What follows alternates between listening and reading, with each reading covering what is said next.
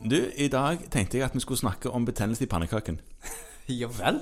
ja. Ja. Eller det høres sånn ut, i alle fall. Jo, og ja vel? Ja, for det var det eh, jeg leste da jeg eh, fikk svaret fra en eh, I en MR-beskrivelse, faktisk. Å ja. Ja, en MR-beskrivelse hvor det sto at det så ut som Mon tro om dette kunne være en panikulitt, Ja. sto der. I MR-beskrivelsen fra radiologen. Ja.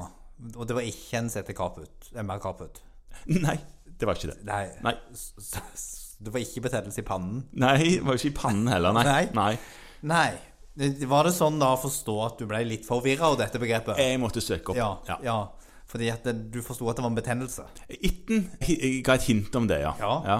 Eh, Og panikulitt er jo et Altså, lite kjært barn har også ganske mange navn, eh, er det vel går an å si her. Ja. Fordi panikulitt er en fettvevsbetennelse. Ja, altså Når du sier kjært barn har mange navn, er det fordi at dette òg har et egennavn? Er det det du hinter til nå? Ja, altså, det, det er sykdommer som kanskje noen kjenner til. Den vanligste er erytema nodosum.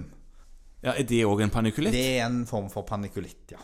Så dette er da betennelser som oppstår i fettvev, og som, som ofte gir nekrose i fettvevet. Ja, så det var derfor han hadde sett det på MR? Ja. Mm. ja. Så, sånne, det har sikkert noe med Dette kan radiologvennene våre mye, mye mer om, men det handler jo mye om hvordan dette da ser ut på bildet med væskenivå og Ja, det er Hvor sort eller hvor hvitt det er. Ja. ja. Eh, og når man får en sånn panikulitt, så er det ofte da relatert til ja, de vanlige betennelsesfunnene, selvsagt. Altså Ja. hevelser og smerte og varme og alt det der. ja, Dette kunne jo ikke radiologen se. Nei. Det må du undersøke. Det må Mm. du undersøke. Og da òg ofte generell sykdomsfølelse, fordi at det omfatter større deler av fettvevet og kanskje store deler av kroppen i noen tilfeller. Ja, Så du, du, har, du føler at du, du har er betennelse i kroppen? Syk, ja. ja, Ja, Mm. Og grunnen til at man kanskje skal være litt obs på at dette ikke er en helt sånn isolert tilstand, Mm. eh, er at det ofte relateres til andre sykdommer. Så du, dette funnet kommer kanskje, og så er det veldig sjeldent egentlig at det på en måte er kommet helt av seg selv, at det er en sånn primær panikulitt. Mhm. Det er ofte en del av en annen tilstand. Ok, ja, Er det en sånn Er det en autoimmunitet i dette, da? Ja, Ja, kanskje. De, mm, går inn og prøver å lese om det, så er noen kildene her litt uklare, og det er ikke veldig godt kartlagt. Nei. Men, men det, det, det, det er gam- gammelt, dette. Det er beskrevet ganske for lenge siden òg. For jeg tror det har et egennavn òg, oppkalt etter sikkert noen av de som beskrev dette her tidlig. Ja, Ja. ja, for det, du fant den, ja. ja jeg tror jeg husker noe om eh, noen eh, Weber, Weber. Chris, Weber Christians sykdom. Nettopp sånn Ja. var det. Ja. Det, det var jo i gamle dager, det, når du var stas og få oppkalt en sykdom etter seg. Ja, ikke sant? Ja. Og det er jo festlig. ja, ja, ja. Det har han jo prøvd å gå bort ifra. Men det er påfallende mye av det i eh, ortopedien, eh, føler jeg. Ja. Ja, Men dette er jo kanskje ikke akkurat ortopedi, da. Men eh, Mhm. Det er oftere hud. Eh, Så kan man jo si at Weber Christians sykdom er nok mest én av disse, altså så er begrepet videre enn som så. Så gjøres det ofte en inndeling i såkalt septal eller lo- lobær, lobulær panikulitt.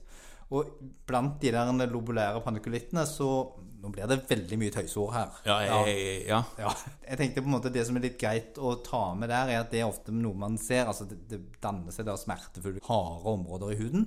Ja. Det er det man merker. ja. Og da kan man mistenke at det er en panikulitt. Ok. Og da er det de kroniske raumatiske autoimmune sykdommene, altså som Ja, nettopp. SLE og den typen ting. Som kommer Ja. sammen med dette? Og, og grunnen til at det kan være greit å vite om at tilstanden fins, er at hvis man oppdager noe sånt, så skal man tenke som ja, ok, kan det ligge under en sykdom? Eller har pasienten en sykdom Mm. som Ja. forklarer det? Ja, ja, At du allerede vet om eh, den revmatologiske sykdommen, og så kommer dette i tillegg. Ja, Og, og så kan man se det ved mm, sykdommer i bukspyttkjertelen. Det er mye beskrevet. Ok. Em, altså betennelse. Ja. Det kan være et paraneoplastisk syndrom. Ok, det òg, ja. Ja. Sånn at hovedbudskapet må være at hvis du finner dette, og i- ikke umiddelbart kan forklare det, så let litt etter forklaringen, for det kan være en sykdom som er viktig å avklare, ja. og ofte mulig å behandle. Men lurer du på om dette her eh, er, Om det er det du har, så sender du Så er ikke MR som er diagnosen. Nei, det er ikke det. Nei.